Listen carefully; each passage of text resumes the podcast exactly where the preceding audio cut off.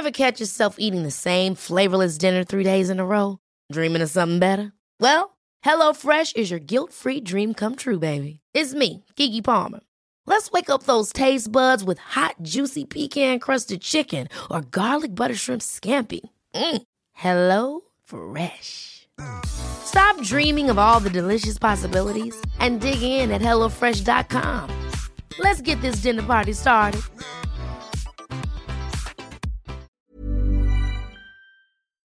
Du vet det här gamla klyschiga, du är den enda som kan sätta begränsningar på dig själv. Det, det stämmer verkligen. Du vet om du går runt om du går runt och lyssnar på folk, bara men vadå du klarar inte av det där, men vadå, vadå ska du? Eller? Man, man vill säga, men hörru, du, du betalar inte mina räkningar, du sätter inte mat på bordet, tak över huvudet och kläder på ryggen, jag gör det. Och jag vet att jag klarar av det här. Sen är det, alltså det är så här fucking dröm, dröm! Dröm! Ja, ja, ja. Ja, dröm, gör det! Fan det finns inga, drömmar kostar ingenting. Drömmar kostar ingenting. Och folk bara, ja, men man måste ha realistiska drömmar. Nej! Ha de mest orealistiska drömmarna någonsin. Alltså seriöst. Ha helt absurda fucking drömmar. Bara ha det! För att ju absurdare, ju, ju, ju mer fucked up det är, desto mindre begränsningar lägger du på dig själv.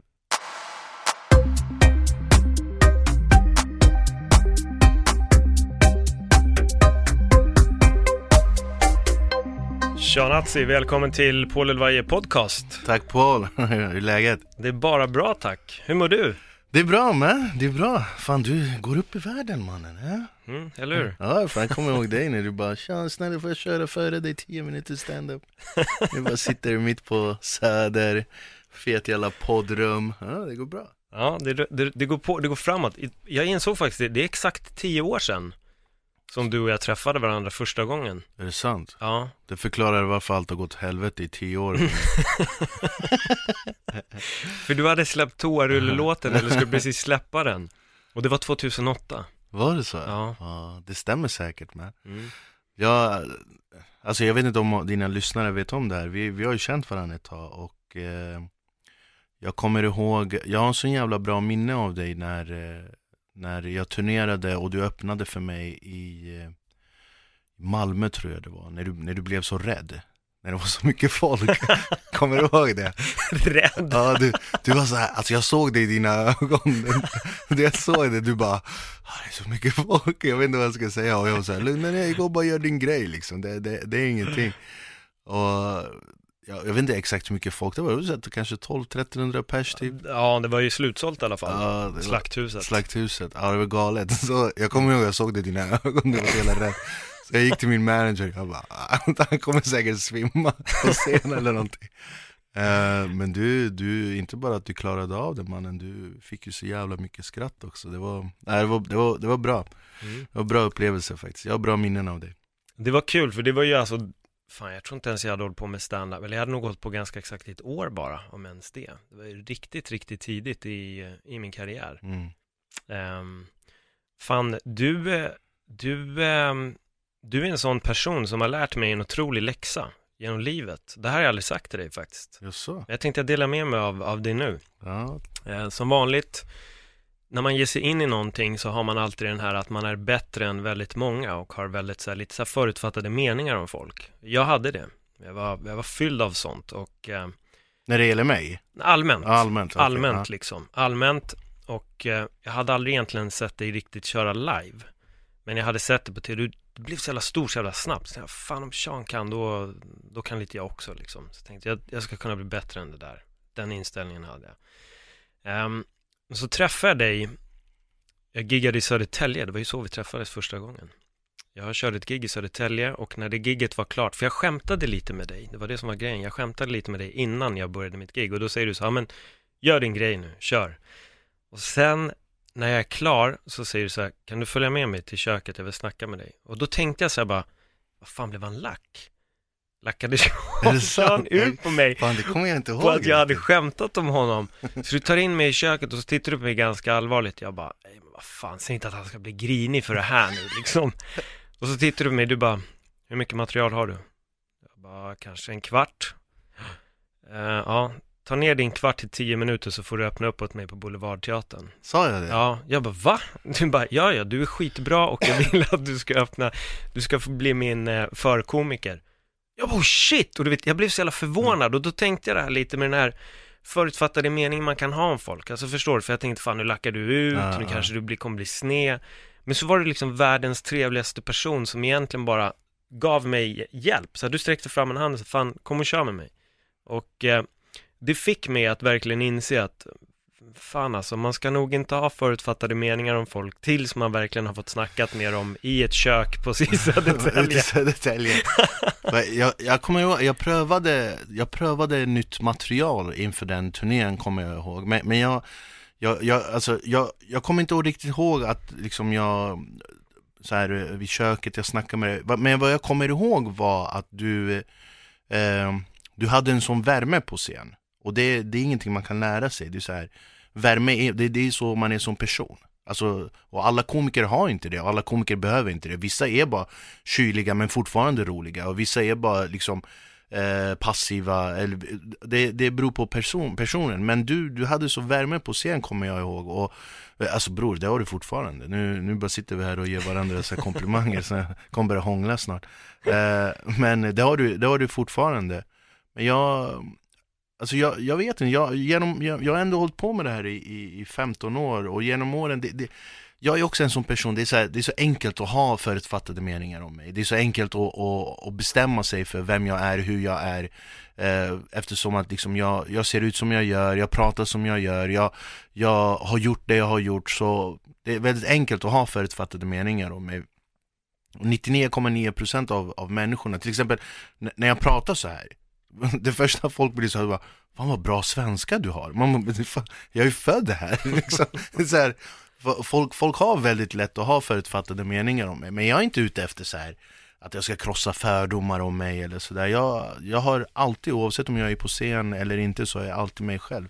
Men vad folk inte riktigt förstår är att Alltså när jag är på scen, det, det är inte min personlighet, det är, min, det är den humorn jag har. Så det är liksom, det är så mycket mer. Jag, jag visar ju den humorn när jag är på scen, vad jag tycker är roligt. Men sen, jag kan ju inte vara liksom Sean Atzi, stand-up komikern 24-7, det går ju inte. Nej. Jag kan inte liksom till min son bara, kom har du, jag, jag har skrivit någon grej, lyssna här. Det, det, går, det går ju inte. Jag råkade faktiskt ut för en sån grej, jag hade giggat på, på Mafia Comedy Och så är det en snubbe, det är en tjej som presenterar mig för sin kompis och då säger han, han tycker du är så jävla rolig. Så jag bara, men vad kul, tack. Han bara, ah, fan du är skitrolig Paul. Han bara, vad, vad, vad ska du göra nu? Jag bara, nej men jag ska till Slussen och ta tunnelbanan. Men det skulle ju vara typiskt om jag missar det nu på kvällen och får vänta 20 minuter. Han bara, shit jag vet, vänta 20 minuter, det är helt sjukt! jag bara, ja alltså det här var inget skämt, jag var allvarlig. Men folk tror hela tiden, vissa tror att man är den här artisten hela tiden. Jag Ja, tycker, Du måste ju jag- råka ut för det hela tiden. Alltså bror, jag har råkat ut för det som fan. Men jag, jag har råkat väldigt mycket ut för att folk försöker vara roliga när de är med mig. Det här har jag pratat om på en av mina shower, där liksom folk är så här och sen du vet, alltså eftersom att jag är jag, jag kan inte gå på en fucking så här kurdbröllop eller någonting, du vet, de drar mig upp på scen på en gång. Det går inte. Det är, det, det är helt sjukt, man sitter där, någon jävla släkting, det är så här 500 personer som man inte känner, och då bara 'Han är här, Sean Atzi' man bara ah, 'fuck' Så, så ja, det många inte vet att jag har ett sånt tal som jag så skriver ner, som jag kör på alla. Alltså, shit nu börjar jag avslöja lite för mycket jag känner. Så jag, jag kör så på alla bröllop, födelsedagar, och, och den går så här. Jag vill att vi skålar eh, för att aldrig fly, för att aldrig luras och för att aldrig någonsin dricka alkohol. Men om du ska fly, fly ifrån de som vill dig illa. Om du ska luras, lura döden in i det sista. Och om du ska dricka alkohol, drick med tillsammans de du älskar. Skål! Och folk blir så "Åh, Han är geni den där, han kom på det! och det går hem varje gång. Varje gång, jag får så amerikanska filmapplåder, du vet när det börjar så här och så... så varje gång. Men det där är ju också det sköna i illusionen av, av, av att vara en komiker Ja. Att vi har ju grejerna klara Ja, definitivt. Men det, alltså det roliga är ju, jag har alltid så här i mina, i mina shower, alltså speciellt när jag turnerar och så här, jag har alltid en så här 10, 10, 10-15 minuter har jag där jag är, det är helt blankt. Då är jag så här 30 minuter och sen mellan 30 till 40 eller 43 minuter, då skriver jag ingenting. Då bara tvingar jag mig själv att gå ut i publiken. Uh, och det, det märker jag, så här, visst absolut, det som är nerskriven och det som är, det som är manus, det, det, det är roligt men jag älskar det. Alltså jag älskar bara hoppa ut i publiken och bara Vad har du på dig? Vad heter du? Vad jobbar du med? Det, det är de, de grejerna är alltid roligast. Och jag har märkt att liksom Visst, folk kommer ihåg det som man har skrivit ner och det som är manus Men just det här spontana, det här impulsiva Det, det är faktiskt vad folk kommer ihåg det har du rätt i, för jag, du vet ju att jag satte upp min Boulevardteatern-show där efter tre år. Ja, ja, absolut. Eh, som jag det gick ju jättebra, det var ju Ja, slut tio shower, det var, skrevs om i alla tidningar. Nej, men det lustiga där, precis när du säger det här, för att det var faktiskt en, en grej som jag började improvisera om Bibeln, hur många biblar som har sålts, hur mycket den säljer på CDON, hur mycket cash liksom Gud har, som var totalt improviserat. Och där garvade folk som mest. Nej, nej, den är... Och det, det, du, du har rätt, för att alltid det som, det som blir här och nu i standup blir också det roligaste, för det blir intimt och internt med, eh, med publiken. Sen, sen beror det mycket på hur man gör det också. Alltså det är ju så här... eh, Mm, alltså sta- stand-up stand-up är ju lite... Stand-up har ju ändrats liksom. Jag- Jag, alltså jag, jag är konstaterad som du vet det gamla gardet. Alltså det är så här, ja han, han, är, han är old school liksom. Uh, när, jag, när jag började med stand-up, du vet vi vi var ju konstaterade som liksom de unga, tuffa, eller jag var ju det, jag var ju den här liksom Jag var den här ja, men, snygga blatten från förorten som sa vad han vill och jag var en av de första som liksom sa Jävla svartskallar, ni jävla svennar, alltså det var, det var ju Folk blev ju verkligen provocerade, men idag är det så här. Det är typ nästan normen, att liksom man ska chocka när man är på scen och jag, jag vet inte om jag riktigt gillar det där alltså att, alltså att chocka och provocera bara för att chocka och provocera Det är inte, det är inte humor för mig Nej, jag håller med dig där, för att jag tycker pre- precis som du säger, och där är att vissa går in på till exempel incestuösa eller våldtäktsskämt bara för att vara provocerande. Ja, men de, är, Men det, var ju glömmer någon, det var ju någon stor grej om, eh, kommer jag inte ihåg vad de, vad de killarna heter Den det- låten eller? Ja Mr exakt, Cool tror jag. ja, ja, ja, ja Mr Cool, eller fan, jag, jag vet inte vad de heter riktigt Men de, de, de hade skrivit låt om att våldta små barn och sådär liksom och, och jag, alltså jag, jag, bror jag kunde inte ens lyssna på låten, alltså ärligt, jag tyckte jag tyckte det var helt fucked up och ett sånt företag som Spotify liksom. Jag förstår att de får miljoner låtar kanske dagligen som ska ut och de, Men eh, att man, man gör en sån där och sen så så fegt och täcka det med humor. Bara men det här är humor. Nej men vem fan har fucking sagt att det är humor? Mm. Jag förstår att humor är individuellt. Alltså det du tycker är roligt kanske jag inte tycker är roligt. Men om du tycker att incest och, och våldtäkt med små barn, om du tycker att det är roligt Men då är du fucked up mannen, då är, alltså, då är det något riktigt jävla fel på dig. Jag vet inte om din mamma inte hållit om dig eller om din pappa har hållit om dig för mycket när du var barn Men det är någonting som inte stämmer i huvudet på dig Så humor är, är så här, jag, jag gillar inte den typen där man ska provocera och, och man ska eh, eh, Man ska provocera bara för att provocera, man är ute efter att få man är ute efter liksom att folk ska reagera istället för agera. Förstår du vad jag menar? Lite? Ja, 100 procent. Ja. Alltså, jag, för, för mig, min tanke är att humorn kommer först. Det är Definitivt. nummer ett, sen kan du provocera. Men det Ja. måste vara roligt. Självklart. Vissa säger, ja, de garvar inte för att jag är för provokativ. Nej, du är för provokativ så det var inte kul. Nej, men du, du är bara provokativ, du är inte Mm. rolig. Alltså jag har haft den här diskussionen med många, med många kända komiker. Där, där bara, ja men, du vet de ska vara politiska och dittan dattan. Men du säger så men fan, lyssna, vi är komiker mannen. Du ska vara rolig först. Sen kan du vara politisk. Vill du bara vara politisk, gå fan stå på ett podium och, och berätta om vad, vad dina vallöften är liksom. Du kan inte stå på scen och, och, och men alltså jag, jag är ju, jag är ju verkligen eh, Jag älskar ren standup. Alltså verkligen, du vet. Mick, scen, inget mer. Jag, jag älskar det. Jag, Du vet, det finns många komiker, du vet som gör mycket ljudeffekter, som du vet imiterar, som Ja, alltså visst, det kan vara jävligt roligt men när stand-up är som renast, det, det finns inget som slår det. Det är så här när man är, när man är i den där zonen, du vet. Det, uff, det, ja, det, det, det finns, alltså jag, jag har typ samma känsla i kroppen när jag när jag står på scen och när jag är med min son. Det är så här, för alltså, inget annat spelar roll. Det är så här, när jag är med min son, jag skiter i om fucking världen går under eller du, jag bryr mig inte. Och, och, jag har samma känsla när jag står på scen. Jag får min timma där på scen och jag skrattar med folk och, och jag bryr mig inte om världen går under. Det är, så här, det, det är just den, den timman, det är bara jag. Ja, det är, ja, ja, jag förstår faktiskt exakt vad du menar. Jag, jag håller med dig till 100%. Det finns ingen bättre känsla än att bara, man har en sån här skitfånig idé. Så skriver man ner det. Så bara jobbar man lite på det.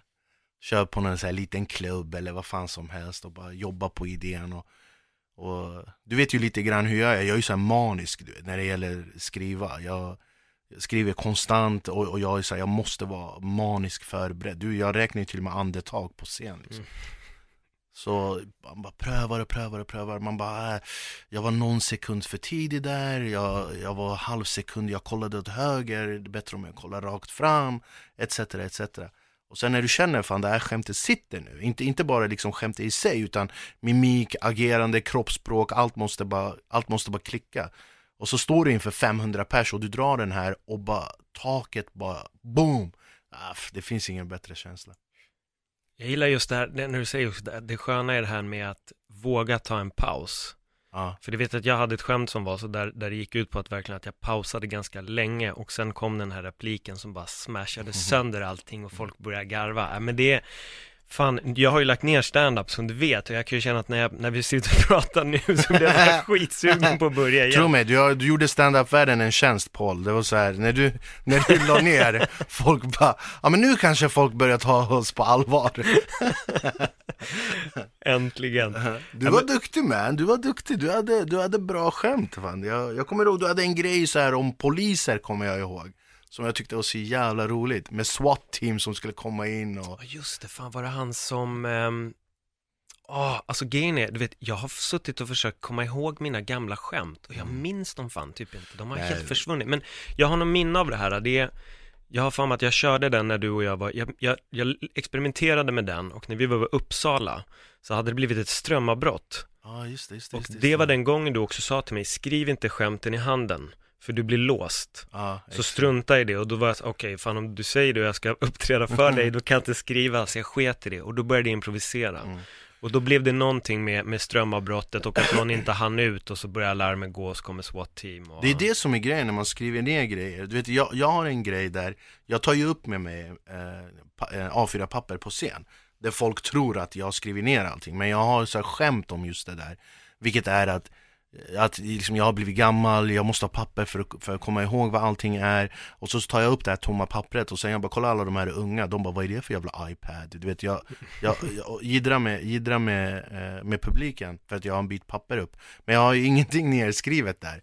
Eh, Och det, det, det, jag har alltid känt det liksom Stand-up blir bäst, inte kanske bäst, men det blir bättre när man improviserar. För att om du, om du skriver ner till exempel vi säger jag har ett skämt om bananer, okej? Okay. Och så skriver du ner det här. Ja, bananer är långa och gula. Det är vad du skrivit. Alltså rent psykiskt, då har du låst det skämtet. Bananer, långa och gula. Då ger inte du dig själv i huvudet utrymme att improvisera. Men när du inte skriver ner det där, då har du det i huvudet, bananer är gula och långa. Och sen kanske är det så här, ja de är från Afrika. Afrika, det är svarta män, svarta män är roliga, de är snygga, de, och du vet, då, bara, då, då går bara tankarna igång. Men när du har skrivit ner det på papper, då är det bara så här, ja ah, okej okay, det är de här tre grejerna, inget mer. Men när, när upptäckte du, för jag antar att, eller Det känns som att alla har ändå gått igenom så processen av att skriva ner grejer på en lapp. Jag antar att du gjorde också det tidigt i din karriär. Men, men när, när klickade det för dig att, fan desto mindre jag liksom skriver de här grejerna på papper, desto bättre blir det för mig när jag väl kliver upp? Ja, jag var alltid så. jag, var, jag var alltid så. Det, det, det är grejen i mitt liv, så här, karriär. Det är så här, mer attityd än talang, det är jag. Jag, så här, jag, så skiter i. Uh, nej, men jag, jag, var, jag är fortfarande väldigt så här orädd, alltså på scen. Jag så här, du vet, alltså inte att jag inte bryr mig, men jag är så här att det, det går bra. Det, är så här, det kommer gå bra liksom. Och jag, jag, jag, tycker inte om som sagt att skriva ner grejer. Den processen jag har är, alltså jag måste ha någonting som, som jag tycker är roligt. Alltså det kan i stort sett vara vad som helst. Och sen så bara rent faktiskt alltså bara maler jag det i huvudet i veckor. Och bara skriver och så bara ner, nej det där var inte det där var och så bara jobbar jag det i huvudet. Och sen så då kommer jag på att fan jag har haft den här tanken i huvudet så länge så jag behöver inte skriva ner det. Jag, jag vet vad skämtet är, liksom. jag vet hur den börjar, hur, eh, hur skrattet kommer, när pausen ska vara. Så det, jag tror det är mer så här, jag, jag har det rent maniskt i huvudet så länge så att jag behöver inte skriva ner det. Men sen alla har ju olika process, alla, vissa kan ju bara sätta sig framför en dator och bara, ja, men nu ska jag vara rolig och skriva ner någonting. Jag, jag kan inte göra det, jag har inte den processen. Jag tycker jag blir så här, jag har försökt men det låser mig liksom. Jag måste ha det här, eh, det här lite fria, det här att jag har en idé. Jag ska till exempel köra på Maffia ikväll. Och jag ska pröva tre nya skämt som jag har skrivit ner. Eh, jag kan, eller nej fan jag vill inte avslöja. Men jag, jag, jag, har ett, jag har ett skämt som jag har skrivit ner om, om att jag gillar tatueringar. Alltså jag, som du ser, jag, jag är ju rätt tatuerad. Och då har jag ett skämt där att jag vill göra en tatuering. Jag är stjärntecken kräfta. Så jag vill göra en tatuering som börjar här på ansiktet. Och så vill jag att klorna kommer på mina läppar. Så vill jag att klorna rör på sig när jag pratar. Och så skämtet är att min pappa skulle skjuta mig om jag skulle göra så. Och sen går det här skämtet så långt så i slutet av skämtet då gör Uppdrag granskning så här, ja, före detta känd komiker är i flykt nu från sin familj för han har opererat ansikte. Och så Janne Josefsson intervjuar mig och jag är så här, det började med en liten grej på axeln och så, så har de förvrängt ansikte och röst. Så jag, jag har tagit det skämtet till det extrema. um, så jag ska pröva det ikväll och det är så här, redan nu är jag så här pirrig i magen. För jag vet att jag ska stå på scen ikväll. Men det är ju en så jävla skön känsla. Alltså det, den, den känslan är ju fantastisk. Det är en, jag har pratat om det här faktiskt tidigare poddar, att gå in i flow. Det finns en bok som jag nu har nämnt jättemånga gånger i den här podden, men den heter The Rise of Superman. Okej. Och den handlar om att kliva in i flow. Och de säger det att när du, alltså en flow trigger, du vet att du är på väg in i flow, det är en viss nervositet, ett visst pirr i magen, en viss känsla och det är då du börjar sätta igång ditt, din flow-entré och du säger det själv, när du är på scen, du är in the zone. Mm. Jag tror att så fort den där känslan försvinner, då kliver vi inte in i flow längre. Och Nej. då börjar vi också tappa passion för det vi gör och då börjar vi bli sämre. Men det är verkligen, jag vet inte mer, jag kunde vara nervös på ett sätt, jättepositivt sätt. Men så fort jag gick upp, boom, allting vände, 100% fokus och sen körde man och successivt, när du väl kommer in i ett jävla flow, då kan du improvisera hur mycket som helst. Det är en av de få gångerna jag känner mig levande. Mm. Alltså ärligt talat, det är en av de få gångerna, förutom när jag är med min son, jag känner mig så här: shit jag lever verkligen. När jag, när jag är i en sån flow, när jag är i en sån zone. Och, och jag, jag kan inte förstå eh, artister överhuvudtaget. Jag känner väldigt många sångare, sångerskor, eh, komiker, skådespelare som eh, är tvungna att bedöva den känslan med alkohol etc. etc. Eh, där, eh, men jag har en, jag har en, en kollega, en kollega, jag, jag känner en, en, en man, jag ska inte säga vad han heter, men han är så innan han ska gå upp på scen, han måste vara lite så halvfull. För han, han klarar inte av den här, ja men, pirr i magen, publiken etc. etc. För mig är det där minst lika mycket som att, som att få skratten eller, eller skriva, skriva skämten. Och känna det här pirret i magen, man går upp. Du vet ibland jag kan jag kan bara stå bakom så här, du vet när, när jag hör musiken och när DJn påar mig eller du vet när jag har en förkomiker etc. Bara, jag kan bara bli så, oh, kom igen skynda dig men jag vill upp liksom. släpp, släpp upp mig, det räcker nu. Jag, jag så här, smsar min manager så här, det är bara, stäng av, jag vill gå upp nu liksom, bara, bara, nu kör vi. Jag, jag skulle, nej fan jag, jag, jag kan inte. Sen, sen när det gäller så alkohol och droger, jag, droger har jag typ all, jag aldrig använt det i mitt liv. Jag, jag förlorade en nära släkting när jag, när jag, när jag var yngre. Eh, han dog i heroinöverdos. Eh, så droger har aldrig varit min grej. Alkohol, eh, jag slutade dricka alkohol för ungefär sju år sedan när jag blev pappa. Så bestämde jag mig för att äh, jag behöver inte alkohol och jag har inte druckit alkohol på nästan sju år. Liksom. Det är samma som mig, men för mig var det bara att jag blev så jävla bakis så jag kände inte värdet i det längre. Ja. Du Alltså, blir så jävla var- slampig när du är full också. Ja, det är det. Det är Ja. det som är problemet. Men jag, jag tänkte på en grej, en sak som jag, som jag upplevde väldigt lustigt när man körde på mycket av de, många av de här klubbarna, är att folk blev nervösa och började sprida osanningar på klubben. Jag vet att, jag minns inte vilken klubb jag var- jag var på, men publiken är tyst. Iakttar komikern. Och sen går komikern av, fan det är så jävla svår publik idag, säger han.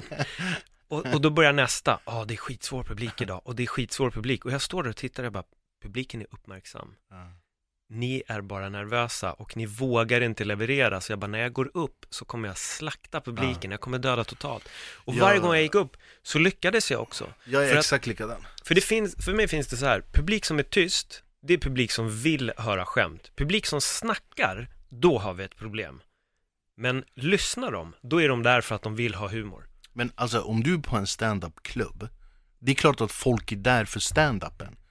Alltså det, Absolut, men jag menar ibland Ja, har det- vissa klubbar ju också att, aha, oj, är det stand-up? Så gre förstår gre vad jag menar. grejen är det här, det finns ingen dålig publik. Det gör verkligen inte det. Det är så klyschigt att säga inom stand-up så här. Jo men vissa är svåra. Nej, fuck det där. Du är dålig.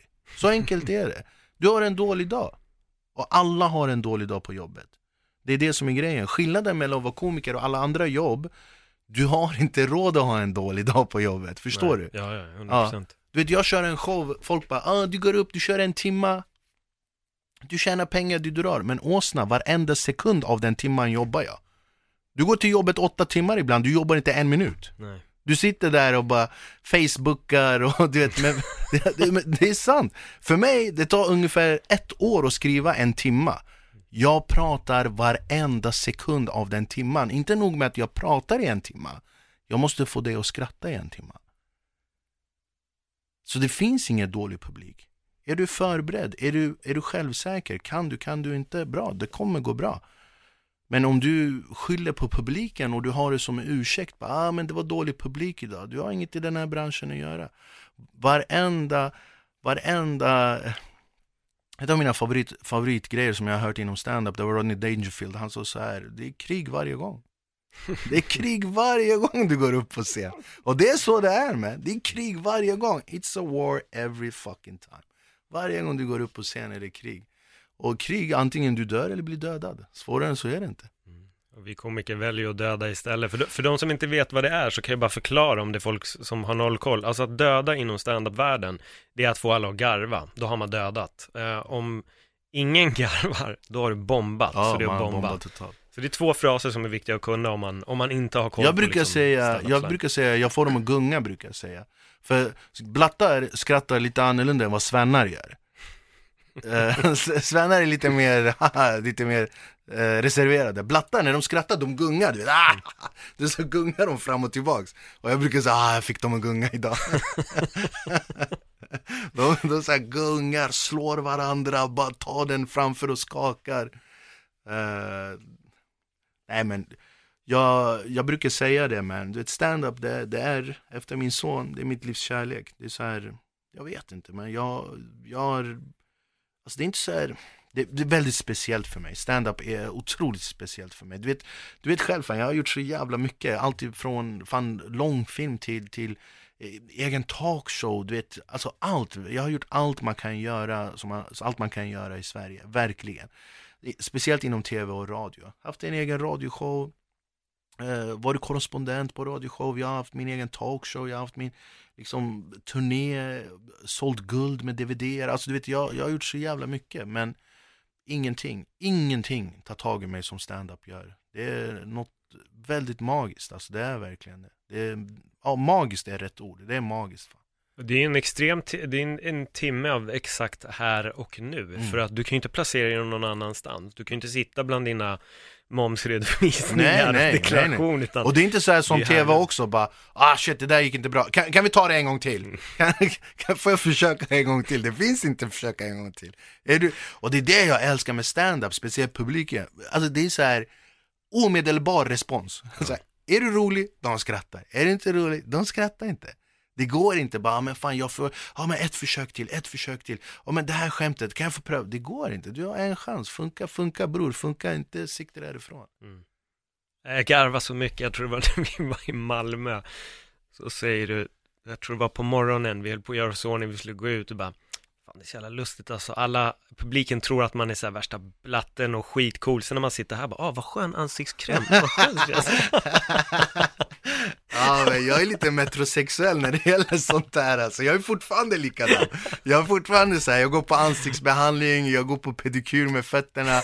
Jag gillar sånt där, men vad ska jag göra?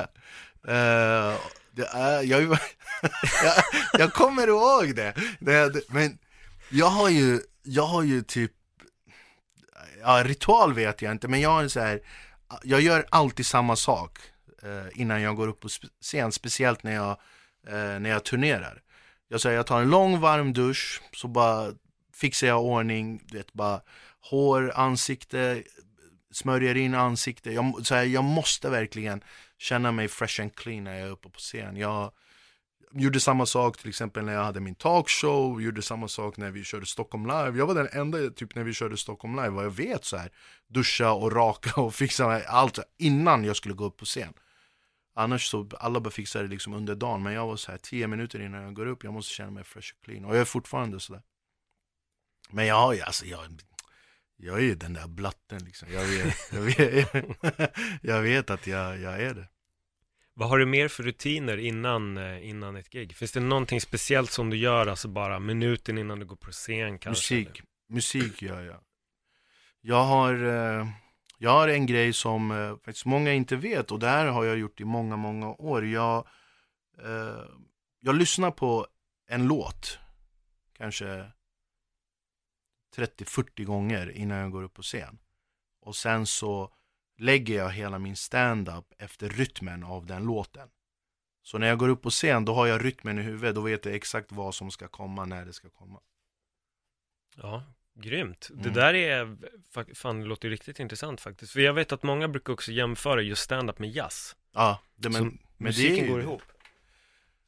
Men det är ju det, alltså stand-up är ju, alltså stand-up är ju en typ av, eh, alltså du, du, när du skriver stand-up, jag, jag, jag, har aldrig skrivit en låt, eh, oavsett vad du tror om toarulle, så jag, jag skrev, fucking toarulle man. Eh, jag har aldrig skrivit en låt, men jag kan tänka, det, tänka mig att det är eh, någorlunda samma process som att skriva stand-up. Liksom. Ja, men det ska vara en skön rytm, det ska vara en röd tråd, eh, folk ska förstå, man ska fånga dem direkt. Jag kan tänka mig liksom att det är på ungefär samma sätt som att skriva stand-up som det är att skriva en låt. Men sen, sen är det ju liksom, det är mycket annat som är likadant. Du vet en låt, är den personlig? Folk lyssnar. Det är samma sak med stand-up. Är du personlig? Är du öppen? Eh, folk lyssnar och folk, folk tar det åt sig. Jag är hellre så här liksom det, Visst är det en komplimang när folk går därifrån och bara ah, hur var det? Ah, han var så jävla rolig. Vad sa han? Ah, jag kommer inte ihåg, men han var rolig. Men eh, om, man, om man berör dem också lite grann, liksom, bara jättelite, så bara när de går, bara, han var rolig, vad sa han? Ah, han sa en grej om det här. Och så kommer de ihåg det istället för att bara, han var rolig men jag kommer inte ihåg vad han sa liksom. Nej, just det.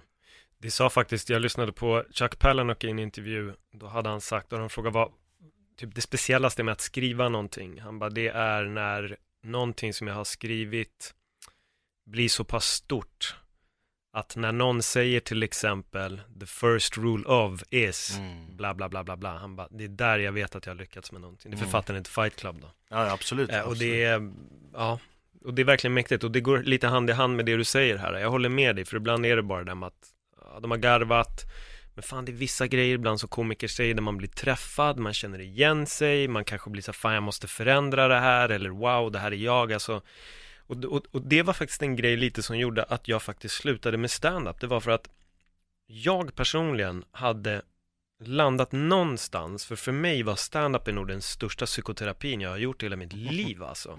Av att analysera mig själv. Varför tror du att jag har hållit på i 15 år? Jag fattar.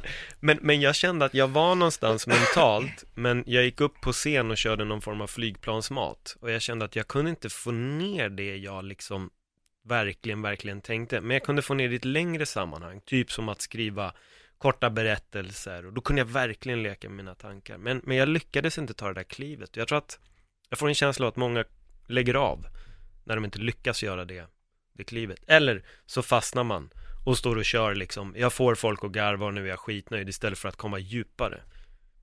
Precis Du, som du alltså, själv du, du, du har helt rätt i det där. Du har verkligen helt, helt rätt i det där.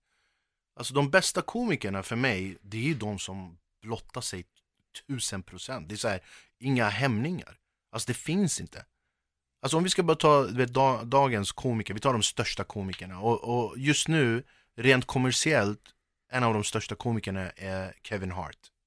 Han är ju kommersiellt stor. Långfilm, turnéer, slutsålda stadium, etc. etc. Men det är skillnad på att vara en stjärna och vara en komiker. För mig, om du pratar idag, en sån här komiker som lever, det är Dave Chappelle. Mm. Han, är, han är komiker. Han kanske inte är den största, han kanske inte...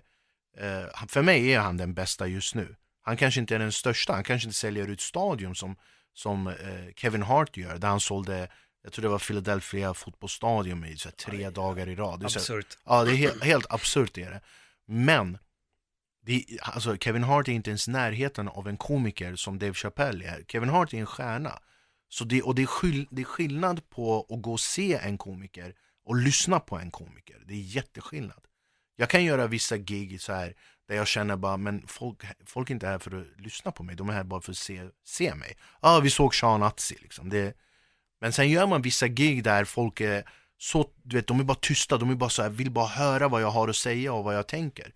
Uh, och om man ska ta så här Dave Chappelles, de här senaste som han har gjort, där han berör allt. Du vet svarta situation i USA, Donald Trump och allt är bara så, så magiskt. Det, allt bara hänger ihop och hans persona, du vet, alltså det är så här eh, där kan vi snacka om, jag ska återkoppla, där är så stand-up i sin renaste form.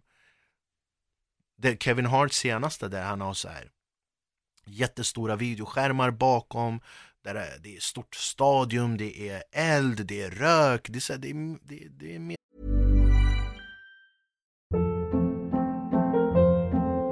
Hold up. What was that? Boring. No flavor. That was as bad as those leftovers you ate all week. Kiki Palmer here, and it's time to say hello to something fresh and guilt-free. Hello Fresh. Jazz up dinner with pecan-crusted chicken or garlic butter shrimp scampi. Now that's music to my mouth. Hello Fresh. Let's get this dinner party started. Discover all the delicious possibilities at hellofresh.com. Quality sleep is essential. That's why the Sleep Number Smart Bed is designed for your ever evolving sleep needs. Need a bed that's firmer or softer on either side? Helps you sleep at a comfortable temperature? Sleep Number Smart Beds let you individualize your comfort so you sleep better together. JD Power ranks Sleep Number number 1 in customer satisfaction with mattresses purchased in-store. And now, save 50% on the Sleep Number limited edition Smart Bed for a limited time. For JD Power 2023 award information, visit jdpower.com/awards. Only at a Sleep Number store or sleepnumber.com. en rockshow alltså. Mm. Dave Chappelle går upp, det är, det är bara mick, ingenting annat. Jag håller med dig, alltså Dave Chappelles Killing Them Softly, alltså det är Alltså jag vet inte hur många gånger jag har sett den. Den är så jävla bra. Alltså, och det är, alltså, det är bara några hundra i publiken. Men det är magiskt, det är som du säger, alltså, det, det är alltså, sättet han skriver på, sättet han tänker, det hur han får ihop grejerna. Det är, Ja, man, jag har aldrig hört någon sån ute. Det finns, alltså George Carlin är också en, en stor, stor, stor, eller var en stor, stor, stor favorit till mig. Eh, Men alltså George Carlin till exempel, alltså om vi ska ta gamla skolan, riktigt gamla skolan, du vet Lenny Bruce, George Carlin, eh, Richard Pryor, visst du vet, de är ju pionjärer. De, de öppnade ju dörren för alla liksom. Du vet, speciellt en kille som, som George Carlin och en kille som Richard Pryor. Vet, svarta komiker har ett ordspråk i USA, vilket är If you haven't stolen from Richard, you're not a comedian. Mm. Och, och, och det stämmer verkligen. Man kan se varenda svart komiker idag, man ser små, små, små grejer av Richard Pryor. Men i dagens samhälle, stand-up har ju ändrats verkligen. Du vet, det George Carlin pratade om och det Richard Pryor pratade om, det är inte relevant idag. Så den här associationen blir ju svår. Jag, jag, jag, jag kan komma på mig själv, absolut inte för att jämföra mig med George Carlin och Richard Pryor, men jag kan så här komma på mig själv när jag skriver grejer och sen jag bara, men vänta, det där var typ 20 år sedan, vem fan kommer jag ihåg det där? Jag är fan ändå 40 liksom, jag måste så här min son, du vet, han gör flasdance och den här jävla handen i ögat, alltså det, det, det, det är så mycket idag som, som, det är så mycket då som absolut inte är relevant idag och, och idag, idag är det på ett helt annat sätt. Idag finns det mycket, mycket, mycket mer eh, krav och mycket mer press på komiker än vad det fanns förut. Du vet idag så här um, ja men typ det här skämtet jag drog nu, att jag ska köra ikväll. Mm. Du vet, om den här podden, om tio pers lyssnar och hör det här skämtet och sen så kommer de till en av mina shower, de kommer bara, men vi har hört det där. Ja, just det det är därför liksom mina shower, vi har total inspelningsförbud och det här säger vi innan jag går upp. Det är total inspelningsförbud, ni får gärna ta bilder men om vi ser att någon spelar in då kommer vi be er gå härifrån. För att jag, jag har slitit röven av mig för att skriva den här showen. Och så sitter någon och spelar in 5-10, vad det nu än är. Och sen lägger ut det på Youtube. Och veckan efter, den här personen som har sett det och jag ska uppträda i Örebro, han kommer bara, men jag har hört det där. Och humor, humor är så. Du vet om du har hört ett skämt ah, nästa gång, det är inte lika roligt. Det är inte som musik. Du kan lyssna på en och samma låt 500 gånger utan att det blir dåligt. Men humor är inte så. Det är därför idag är det mycket mer krav och mycket mer press på komiker än vad det var förut.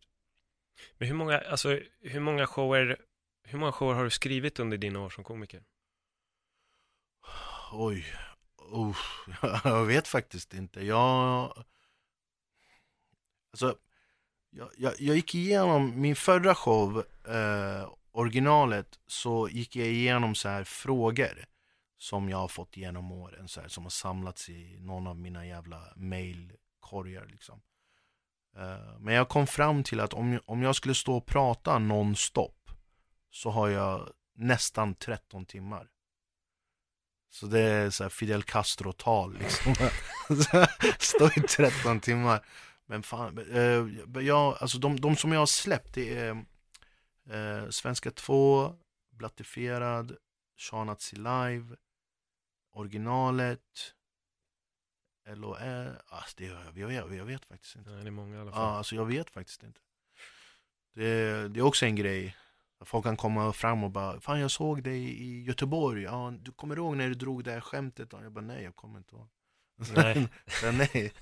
Det, det, det är en grej som, som, som jag är väldigt, väldigt faktiskt väldigt så på med mig själv. Så när jag skriver en ny show, lämna det och gå vidare.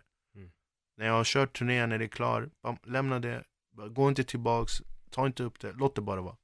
Och så bara skriv nytt.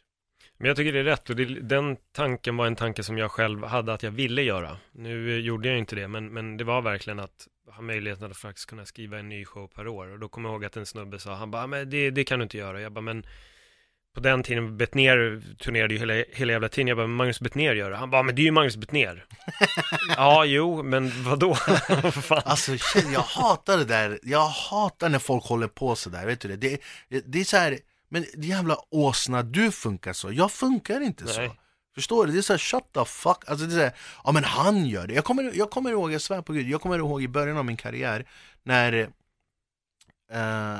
jag, jag gjorde Mm, fan, vi, vi, vi startade klubb och sådär Och så sa jag så här, jag bara, men jag vill göra tv nu Och då var de så här, så, vem fan är du? Alltså jag lovar, de sa, vem fan är du? Ska, vet du hur länge folk har försökt få in eh, stand-up i tv och dittan och dattan liksom Jag bara, jag bara fuck er Alltså jag, jag gör det här Och jag kämpa och kämpa, kämpa fick Till sist fick jag kontrakt med Nordisk Film fick jag kontrakt. De, de kontrakterade mig i två år, jag skulle utveckla en tv-show etc. etc. Eh, och sen så bara allt gick runt och runt och runt och vi alla tillsammans skapade Stockholm Live. Eh, men du vet det här gamla klyschiga, du är den enda som kan sätta begränsningar på dig själv. Det, det stämmer verkligen. Mm. Du vet om du går runt om du går runt och lyssnar på folk, bara men vadå du klarar inte av det där, men vadå Vadå, ska du? Man, man vill säga, men hörru, du, du betalar inte mina räkningar. Du sätter inte mat på bordet, tak över huvudet och kläder på ryggen. Jag gör det. Och jag vet att jag klarar av det här. Sen är det, alltså det är så här fucking dröm. Dröm! Dröm! Ja, ja, ja. Ja, dröm! Gör det! Fan, det finns inga... Drömmar kostar ingenting.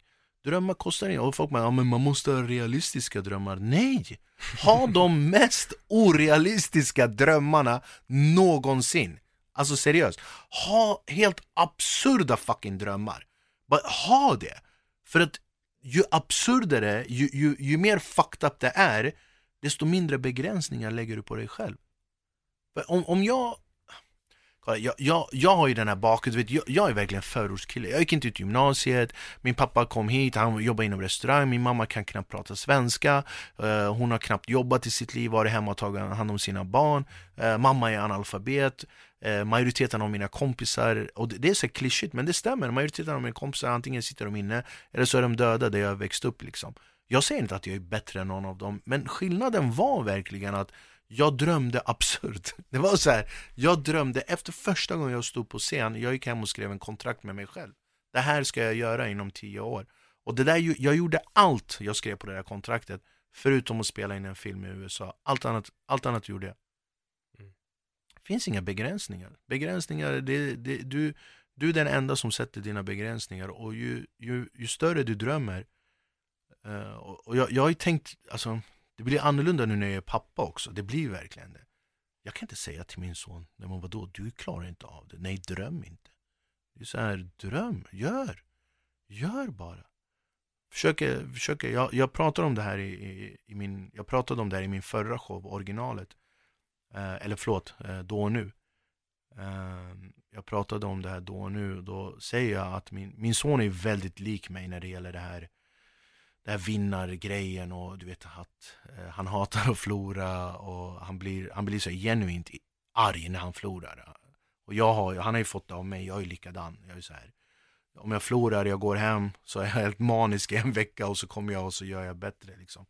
Men jag försöker verkligen att lära min son att det, det inte är bra att vara bäst. Eh, för, för om du är bäst, det, det kommer alltid någon bättre. Vet, om du är snabb, det kommer en snabbare. Om du är rolig, det kommer en roligare. Om du är rik, det kommer en rikare. Alltså det, det går, bäst är inte bra. Så istället för att vara bäst, jag försöker lära honom att vara unik istället. För att om du är unik, det finns bara du. Så här, ingen kan ta det ifrån dig. Men är du bäst, det kommer en bättre. Men om du är unik, det är bara du. Din son betyder väldigt mycket för dig. Ja. Så, um... Han är, ja, han är, för mig, solen går upp och ner med den där ungen. Han är, han har mig runt lillfingret alltså. Hur mycket förändrades ditt liv när, eh, när han föddes? Eller från att han kom in i ditt liv kan vi säga. Um, ja, alltså jag, jag, förändrade, jag förändrade själv väldigt mycket när, när han föddes, medvetet liksom. För jag, eh, alltså grejen är att, att bli pappa, det är en sån grej liksom, du, du vet inte. Alltså, du, du, du, du har ingen aning med. Det finns ingen jävla handbok som säger när din son inte kan bajsa så ska du... Du vet, det är så här, alltså det är så här absurda grejer men jag ändrade väldigt mycket själv och man har ingen aning när man blir pappa om hur man ska reagera, hur man ska agera. Det finns ju folk som bara får kalla fötter och bara, men fan jag klarar inte av det här. Uh, och som tur är, jag, jag fick ju en väldigt bra uh, med min pappa. Min pappa, han var ju väldigt så här otroligt, otroligt kärleksfull. Verkligen. Alltså än idag. Min pappa, han... Um, han... Eh, uh, skillnad, min, min, pappa var det här, han fick mig alltid känna mig viktig. Det var, det var en sån grej när jag var liten. Till exempel, alltså om, eh, om jag ville säga någonting, det var aldrig så här, men fan du, du, du är barn, vad du förstår inte. Det var alltid så här, ah, vad har du att säga Sean? Liksom. Det är nog därför jag har det här behovet av att stå på scen, för att jag tror allt jag säger är så jävla viktigt. Uh, men jag ändrade väldigt mycket när jag blev pappa. Det här med att jag inte dricker alkohol. Alltså, så här, jag, i, I allt jag gör så har jag min son i huvudet och jag vill att han ska vara stolt över det jag gör när han blir äldre. Jag vet inte om det låter lite sjukt liksom. Jag, ja, nej, nej, absolut inte. Jag vill inte liksom när han blir äldre att folk ska bara, men shit det där är den där idioten Seans son. Utan att jag vill att folk ska bara, det där är Sean Hatzis son liksom. Ja, vilken shanat? Alltså. Jag kommer säkert inte vara relevant då men så här, vilken shanat? Alltså? Ja, men du vet han som gjorde eh, Blatte för toarulle. uh, eh, nej, min son är, han, nej, han är, han betyder allt. Alltså. Han, han betyder allt för mig. Det finns inget och ingenting jag kan göra för den där ungen. Det är väldigt, väldigt, väldigt speciell känsla. Det är en, sån, det är en typ av kärlek som jag aldrig upplevt innan. Det är så här, det är alltså, det är så, så här neandertalar det, det, finns här bakom som vi aldrig vet. Och sen när man får barn, då kommer det fram där. Du vet, jag ska ta hand om dig, jag ska skydda dig. Du, du vet, det kommer bara fram liksom. Det är en otroligt... Sen är ju han också, han är ju världens finaste pojke. Alltså, han är snäll, eh, omtänksam. Liksom. Han, han började skolan förra veckan, måndag. Så han hade fått klassens, de delar ut sig stjärnor till barn när de gör något bra. Så han hade fått klassens första stjärna. Och, och jag frågade eh, hans lärare så här om liksom, var, varför. För jag var bara, tror jag, är han bra på han går, engelsk, han går engelsk skola så jag tänkte så här, ja, men, han, han, är, han kunde ju flytande engelska innan han började skolan. Eh, så jag tänkte men om han är bra på engelska eller sådär. Så, så, så nej, han, han hade gett sin jacka till en unge ute på gården som frös.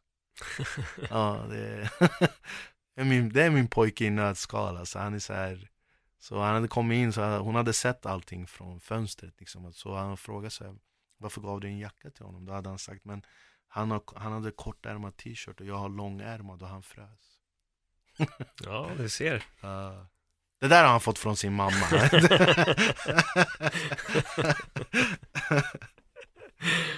nej, han är, han är mitt allt. Ja. Finns det en komisk gen i, i honom också? Ja, oh, men han är, men han är mer, han är mer, han är mer så här strategiker. Han så tänker ut. Du, du vet, så här, vissa barn när man pratar med dem, hej, och de är så här, eh, hej, det, det, det är bara snack. Min son när du pratar med honom, man, man, ser att det är en helt annan grej där bak som han tänker ut vad han ska göra. Uh, men nej, han är, han är väldigt rolig och det jag verkligen älskar med honom det är att han han, jag uppskattar att han tycker om att skratta så mycket. Det är så här, pappa är världens roligaste för honom. Liksom. Och så fort jag skämtar om något, så, och han skrattar och han tycker att liksom, mer bekräftelse än så där vill man inte ha. Han är, han gör små grejer som, nej men han är, han är, alltså barn är, som jag sa, jag, alltså jag hade inte varit den typen av pappa som jag är idag om jag hade blivit pappa kanske när jag var 20-25. Jag var ju ändå typ 31, 32 när jag fick ja. honom. Ja. Uh, och känner mig mogen och bli pappa och, och, och starta familj och sådär. Och sen funkade det inte mellan mig och hans mamma. Men det, det är liksom, ibland gör det inte det. det. Alternativet är ju värre. Alltså att jag ska vara tillsammans med hans mamma bara för att, uh, bara för att jag, jag bara, men det hoppas det funkar. Då är det synd om barnet. Och, se mamma och pappa bråka, tjafsa och olyckliga hem utan kärlek etc. etc. Då är det bättre att bara för barnets skull. För du kan inte vara egoistisk när du har barn. Du kan inte tänka på dig själv. Jag hade faktiskt en, en eh, intervju med en tjej som heter Laura som är terapeut. Hon jobbar mycket med relationer. Hon sa att barnet mår faktiskt bättre om familjen splittras ifall den är tjafsig än att de håller ihop. Definitivt. Så. Nej men det där, är, det där är jag helt övertygad om. Jag menar tänk dig själv. Vad vill, man, vill man ha två föräldrar mamma och pappa som är separerade och lyckliga eller tillsammans bara för din skull. För då kommer du känna, ja men fan det är mitt fel. Mm. Det är för min skull de är tillsammans. Alltså du vet bara rent psykologiskt. Uh, om, om barn tänker så. Fan det är mitt fel, de vågar inte göra slut eller de är tillsammans bara för att de tror att de gör det rätta för min skull etc. etc. Uh, och jag, jag är helt övertygad om att det finns nog säkert ingenting värre för ett barn än, än att växa upp i ett hem där det absolut inte finns någon kärlek mina föräldrar var definitivt inte så. Liksom. Och det är där, jag tror verkligen som barn är reflektioner på föräldrarnas värderingar. Det man får med sig hemifrån, det bär man för resten ja, av livet. Absolut, det, det tror jag också. Så det var så här, för mig var det verkligen så här. Det var ingen, det var ingen diskussion, det funkar inte. Liksom. Jag, jag har fan en son att tänka på. Jag kan inte... Men peppar peppar, idag är han lycklig, han är glad, han är älskar allt som en pojke, allt pojkar älskar liksom. Fortnite, Fifa, eh, eh, bilar, alltså, så här, spela fotboll, simma, leka, alltså det är allt, allt som små pojkar gillar. Mm. Liksom. Han, fast, fast, han gillar Ronaldo mer än vad han gillar lagen va? jag sa det, ja det här är en grej han sa faktiskt, för vi, vi, var, vi var i Turkiet när eh, Ronaldo skrev på kontrakt. Vi var på semester så Ronaldo skrev på, och det är, en, det är någon turk som sitter där för att så fort Ronaldo skrev kontrakt, då sa han säkert Tryck eh, Juventus Ronaldo! För dagen efter så fanns det Ronaldo Juventus uniformer överallt. Och jag var helt chockad, min son bara ah, jag vill ha Juventus. Jag bara men han skrev på kontrakt igår liksom, det finns inte.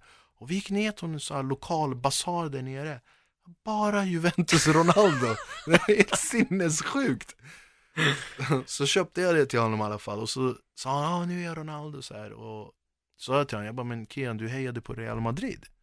Så nej baba jag hejar på Juventus nu. Så jag sa men då hejar inte du på laget, du hejar ju på Ronaldo.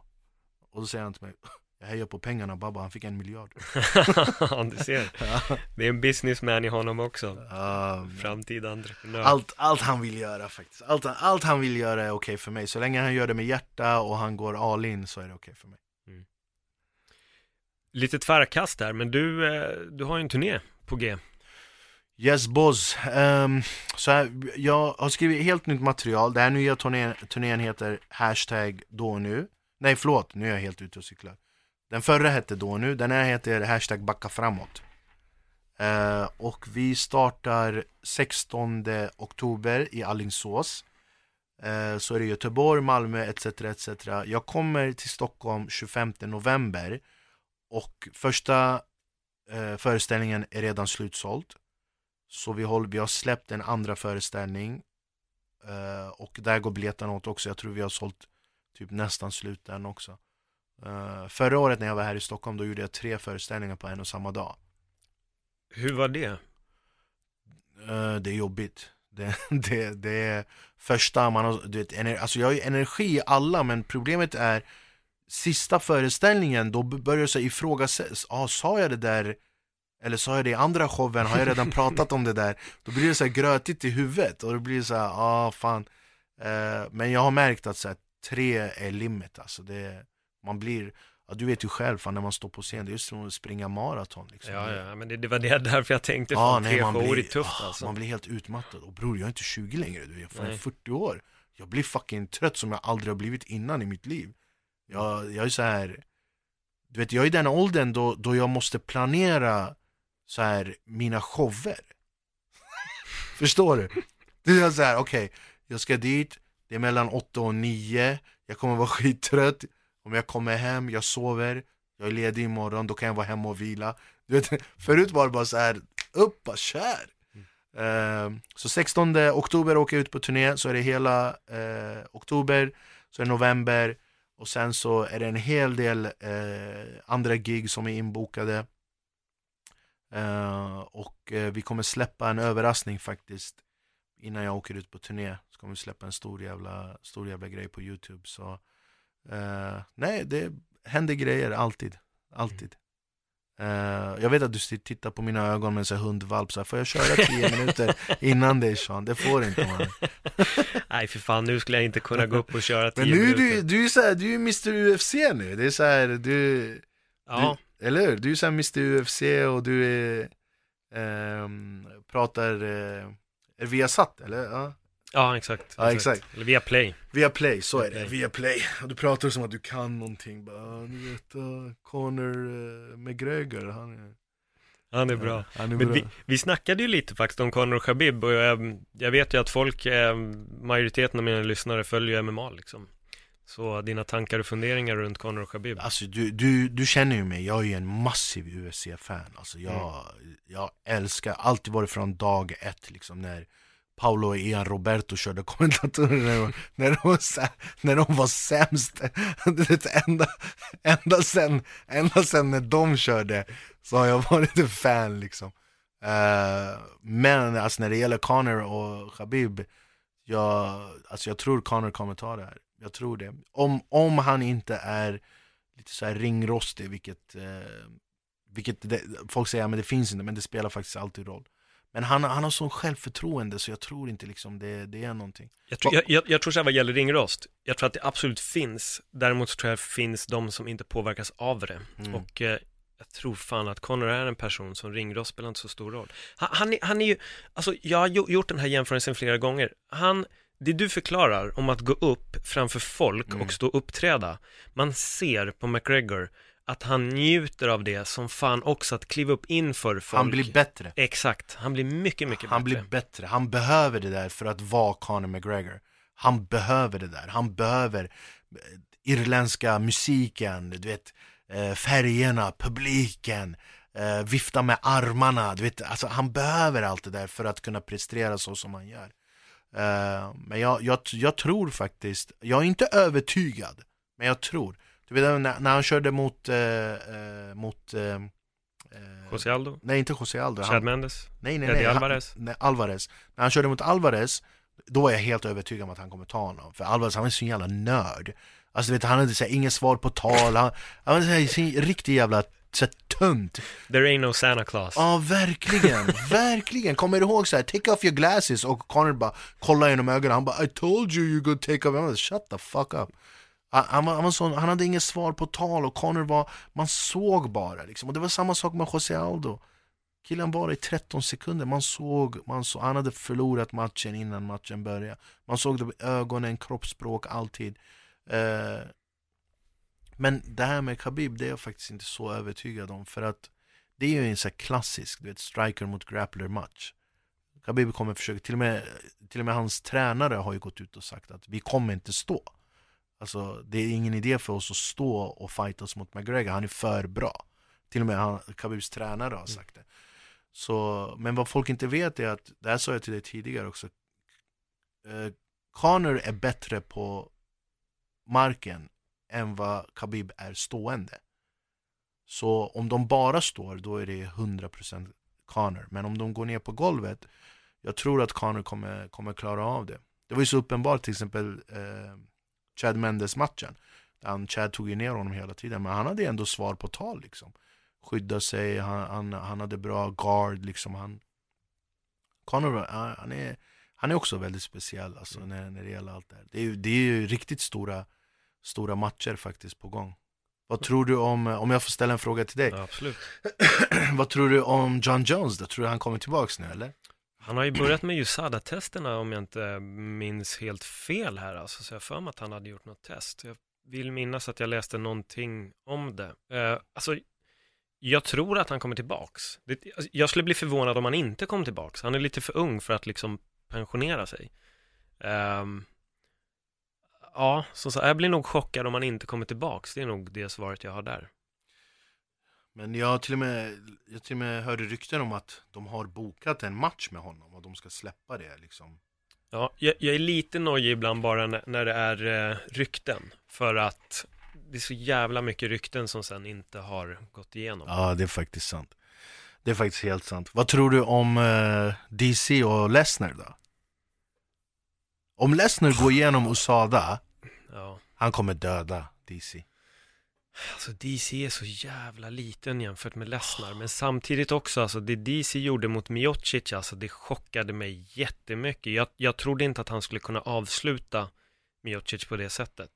Så... Miocic, Miocic var mätt. Han var, han var inte hungrig, Miocic Han var var mätt. ju råprickad alltså. Ja, Det, det var... det är ju kraften också, och, och det sa de redan. button! De sa ju det också att i träning, sen han gick upp till tungvikt så har han, börjat sänkt alla- sänka folk. ja. Och jag tror mycket på det där, folk som kattar för mycket, de också, de, de kommer inte vara så bra som de kan vara. Alltså mycket av styrka ligger ju i vikten bakom Exakt. du lägger i slagen. Mm. Och tappar du vikt, det, det säger ju bara sig själv. Och inte bara det, att hela tiden gå dränerad och vara svag under ditt Ja, träningspass definitivt. istället för att kunna vara stark. Definitivt. Så jag tror nog att det, det finns ganska många som jag tror skulle gynnas som fan av att gå upp en viktklass alltså. Vä- Kolla bara Anthony Johnson. Från vältevikt till lätt tungvikt och fan fightas som bältet. Jag, jag, den här, han eh, som ska fightas nu mot eh, Woodley, Darren Till, Mm. han, eh, de säger ju att han kommer missa vikten, vilket han har gjort så tidigare och sådär. Men han är ju egentligen viktklass högre. Alltså. Ja, ja. Det, det är ju 100%. hans, ja, det är hans grej. Men han säger det, han bara, ja, när jag har vunnit bälte här så ska jag gå upp en viktklass liksom. Eh, och jag, jag tror inte, alltså det, det har varit så jävla mycket skit om det där också, du vet när de dränerar sig och du vet de gör det på fel sätt och eh, vissa liksom får hjärtklappningar, alltså det är så Ja, mycket. alltså folk har ju dött. Ja, Alltså det är det som är sjuka. Folk, folk, tror, folk med okunskap tror att folk dör i buren. Alltså folk dör i bastun. Mm. Vilket är sjukt alltså. Ja, det folk är- dränerar sig på tok för mycket. Är, sporten är ju livsfarlig vid viktnedgången. Ja. Inte själva Nej, nej. slagsmålet. Alltså, där är det, alltså i slagsmålet där inne, allting är ju kontrollerat. Ja. Jag menar, de, här, de här människorna som är i buren, de är ju gjorda för att ta emot smällar. Mm. Alltså det är ju så, man tränar ju för att, för att ta smällar och ge smällar. Det är ju hela vad sporten går ut på. Du ska försöka dö, alltså inte döda, men du ska vinna eh, eller förlora. Men men man gör det på ett sånt sätt där det finns en jättestor chans att du kommer få fett med smällar i, huvud, smällar i huvud och kropp. Och det är så här vi tränar upp din kropp för att du ska kunna skydda dig själv eller för att du ska kunna tolerera de här smällen. Men du kan ju aldrig träna eh, en kropp och dränera den på vatten. Alltså det går ju inte. Nej. Nej, nej, nej. Det, det är så att du har en viss mängd vatten i kroppen och när du förlorar en viss mängd då kommer du bli sjuk, så enkelt är det. Ja, men fan, tänk själv. Tänk om du skulle klippa 15 kilo innan din premiär Ja, på typ två veckor. vad försöker du och, säga? och basta 15 kilo. Nej men, Vad försöker du säga? Att jag är tjock eller? Är det det du försöker säga? ja, men förstår du, även där. Din, ditt gig skulle ju inte bli lika bra. Nej. Fan, och du skulle basta i fem timmar dagen innan du ska gigga. Man är ju fuckad i huvudet. Alltså. Ja, ja, pff, det går inte mannen, det är omöjligt. Alltså jag kan basta i 10 minuter, jag blir såhär, fan pallar inte det. Ja. Nej, nej, det där, det där är någonting som faktiskt eh, organisa olika organisationer börjar, börjar, de har ju börjat se om mycket. Mm. Att istället för dagen innan, man gör det veckan innan. Eh, de hade så lite alternativ som de ska kolla upp och sådär. Men det är bara att kolla, det är bara att kolla på fighten, hur de ser ut dagen innan matchen och hur de ser ut när det är match. Ja, ja, ja. Jag blir så här, alltså det här kanske är så här jättedumt för mig. Alltså, att, så här, folk kommer nu tycka att jag är så dum i huvudet. Men jag förstår allting, alltså, jag förstår viktklass och allt sånt där. Men de här människorna, de går ner i vikt för att vara i den viktklassen. Och sen så skiter man i det när det är match. Mm. Det är så, vad fan är meningen med det? Det är därför också vissa har börjat förespråka invägning samma dag. Just för att du ska vara så nära din naturliga vikt som möjligt. Att du Precis. inte ska kunna klippa. Jag, jag, jag kan förstå den. Men jag, jag förstår göra. speciellt när det har varit som du säger, det har varit död inom, död, liksom folk har dött inom sporten, man ser hur, hur dränerad folk är, man ser hur, hur de ser ut, hur de är. Och sen finns det ju många som använder det där till sin fördel också, vilket jag tycker är fusk. Mm. Till exempel, eh, det var ju den här, ehm, eh, fan nu kommer jag inte ihåg vad hon heter, den brasilianska eh, kvinnan, de fightades i Brasilien, hon fightades mot en blond tjej, det här var kanske ett par månader sedan. Ja, du menar eh, Cyborg mot Holly Holm eller? Nej, nej, nej, nej, nej, inte Cyborg, absolut inte. Hon, hon är, vad heter hon, Francesca någonting, eller? Eh, hon är Dern, Dern, Ah, ja, Mackenzie Dern. Mackenzie Dern. Just det. Kommer du ihåg? Hon missade med så här Ja, kilo eller vad ja, det var. jättemycket. Ja, hon missade vikten med sju kilo ungefär. Mm. Och hon bara kom in och bara demolerade med sin motståndare för att hon hade, hon hade ju liksom gått ner i vikt för att göra den här matchen. Och det är självklart, om du har sju kilo på en tjej, Mm. och det är klart du vinner. Det är så här, du behöver inte, du kommer ju fan vara nästan, alltså du har sju kilo på en annan. Om jag och du ska hamna på en fight, och vi har, vi har tränat lika mycket, vi har samma eh, eh, träning, vi vet exakt samma, men jag har sju kilo på dig. Fan det är klart alltså. Och det är många som använder det där mot sin fördel också. Absolut. Det roligaste där var, jag vet inte om du såg det, på, men på Mackenzie Derns Instagram dagen innan så står hon med en våg som hon är sponsrad av. Där hon kan hålla koll på Oh både vikt och God. fett. Hon vart ju helt Herre- slaktad över det. Jag dog av garv Det alltså. såg jag fan inte. Jo, nej, det är så stört alltså. Om, alltså shit man. Folk, folk har tappat det. Ja. Alltså folk har tappat det. Men jag tycker, alltså jag älskar UFC. Jag tycker det är så otroligt underhållande. Eh, och jag, alltså, som sagt, och speciellt när det kommer sådana fighters som Connor liksom som det är så lite Zlatan-syndromet, förstår du? Det är så här, Ja, ja. det är så här, du vet Zlatan säger, han backar upp det. Det är så Connor, du vet. Om, Connor skulle aldrig vara lika populär, lika stor som, som han är om han inte backar upp det han säger. Nej, Nej, för han säger så här, men jag ska knocka han första rond. Fucking killen går in och knockar han första rond. Mm. Så här, men jag ska leka med han lite första rond, andra rond, jag knockar honom. Han gör det. Första rond han leker, andra rond han knockar. Och det är därför han är kallad för Mystic Mike, du vet. För att, Mystic Mac. Ja. Mystic Mac, för att, för att han är så här, men han kan förutse framtiden. Men det där är bara, han är så otroligt säker på sina egenskaper. Han vet exakt vad han är kapabel av eh, eh, inne i oktogonen. Och han vet exakt liksom vad, vad, vad han kan göra. Men han är, han är, det är som så här, han är väldigt speciell liksom. Det, var ju, det är lite så här när Muhammad Ali kom ut och, och han pratade alldeles för mycket och folk bara säger men fan den här unga killen liksom, fan, vem fan tror att han är? Och så bara varenda jävla match bara går in och dominerar på ett sånt sätt där folk inte har sett innan. Och det är, det är lite så här, det är Conor McGregor verkligen. Det är så här nytt, eller ja, när han kom ut och nu har han hållit på. Han, han, första fighten var här i Stockholm, eller hur? När han Ja. gjorde, ja. Kom Och ut. det roligaste med den galan var ju att alla slaktade ju den galan för att det var så mycket okända namn. Nu är det ju den galan som alla sitter och bara, jag var där på Connors debut, jag såg den, yeah! Ja. 50 cheese baby! Ja, det är riktigt fett. Men ehm, sen är det ju det också, vi är ju alla kräfter. Du, jag och McGregor. Är det sant? Är han också Ja, kräfta? ja, han Fan det visste kräfta. inte jag. Jag tror att han är efter 10-strecket. Jag Du- bara sket i att du var kräfta. Ja, Jag- precis. ja, Connor! Oh Men du och jag, du är ju fyra dagar äldre än mig. Är det sant? Ja, du är den sjätte, jag är den tionde. Ah. Vi är båda 78. McGregor är exakt 10 år yngre än oss tror jag. Och han är typ född så här 15, 16 eller 18 eller nå- någonstans där tror jag, i juli. Han är tio år yngre, eh? Mm. Så vi är the real deal kräftor. Jag tror det är 10 år eller om det är 11. Jag kommer inte ihåg. Sak samma, vi är i alla fall tio år yngre. Jag är känd i Sverige. Jag behöver... Exakt, exakt.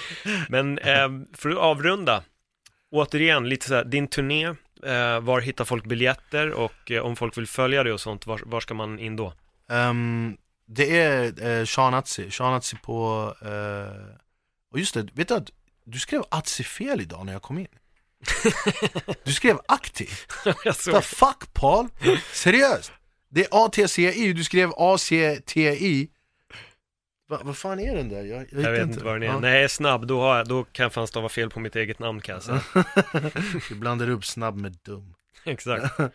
Nej men det är Sean Atzi, där eh, Sean Atzi på Facebook, Sean Atzi på eh, Insta, Sean Atzi på Snap eh, Och biljetter finns på seanatzi.com Där finns det direktlänkar till eh, eh, de städerna som jag kommer besöka All information finns på seanatzi.com Så jag åker on the road eh, 16 oktober eh, fram till eh, december Kom och kolla med en bra show, ny show, helt eh, en timma eh, Nytt material Eh, jag är ju bara kom och kolla på en kille som gör det han älskar liksom. Det är bara att Mm. komma ut. Tycker jag absolut. Sean, supertack för en så här härligt samtal. Detsamma broder, det är jag som ska tacka. Stå, för, eh, jag jag vill bara avsluta en grej men du, du sa så här, vi har känt varandra i tio år etc. Jag måste bara också tillägga, fan, jag, jag är så här lite småstolt över dig faktiskt. uh, du, fan, du, jag, jag kommer ihåg som jag sa, du hade så här värme på scen och sen uh, du gjorde din grej och det här har inte jag heller sagt till dig liksom. Jag visste att du hade din show på Boulevard och jag sa det här till, till Andreas, en av mina manager, jag bara fan den här killen liksom började att köra innan mig och så här. Och sen nu med Viaplay, med UFCn, med podden. Så jag bara säger fan jag är lite småstolt över dig. Och jag vet att allt det här med din framgång, det är ju tack vare mig Nej skämt åsido, jag är, jag är stolt över dig men verkligen bra jobbat och all lycka i framtiden Ja, men tack så jättemycket och eh, du berättade ju faktiskt den här historien om, om kontraktet du gjorde med dig själv också. Och jag kan säga att många, när du och jag var och turnerade och vi har pratat, alltså att höra historierna från dig om att komma från ingenting och ändå liksom ha de här visionerna och våga drömma och grejer, det, det har varit jätteinspirerande. Så eh, du ska också ha tack, som jag sa, du, du var faktiskt den som också gav mig en möjlighet att kliva upp på en teaterscen och eh, det var ju tack vare dig när du tog mig till Boulevardteatern som gjorde att jag också satte en egen tanke att jag ska hyra den här teatern och stå här själv. ja. Två år senare gjorde jag det. Och, eh, nej men som sagt. Som jag sa, dröm, dröm bara hur, hur, hur absurd och hur sjukt det än är, bara dröm, dröm, jag lovar det, det, det, om, om dina lyssnare tar med sig någonting från det här det, Kolla du sa det så här, du bara, men jag såg dig och så tänkte jag så här, men om han kan så kan jag också. Och det, det är den inspirationen man, man vill, man tänker inte på det för det, man är så inne i sin grej, man är verkligen det, det är så, det är så jävla mycket och ibland tar vardagen över. Och ibland ska man göra så, men när, man, liksom, när det kommer sånt här jag får ju sånt dagligen liksom, där folk skickar bara Jag såg dig där och nu gör jag det här. Eller vi vill komma, du vet eh, Ja, inspirera folk, det Men dröm, dröm. Ja, där hör ni det gott folk. Tills nästa gång, fortsätt dröm jättemycket. Sean, än en gång, tack så Det är jag jättemycket. som ska tacka, ha det bra mannen, tack Hej då! Hej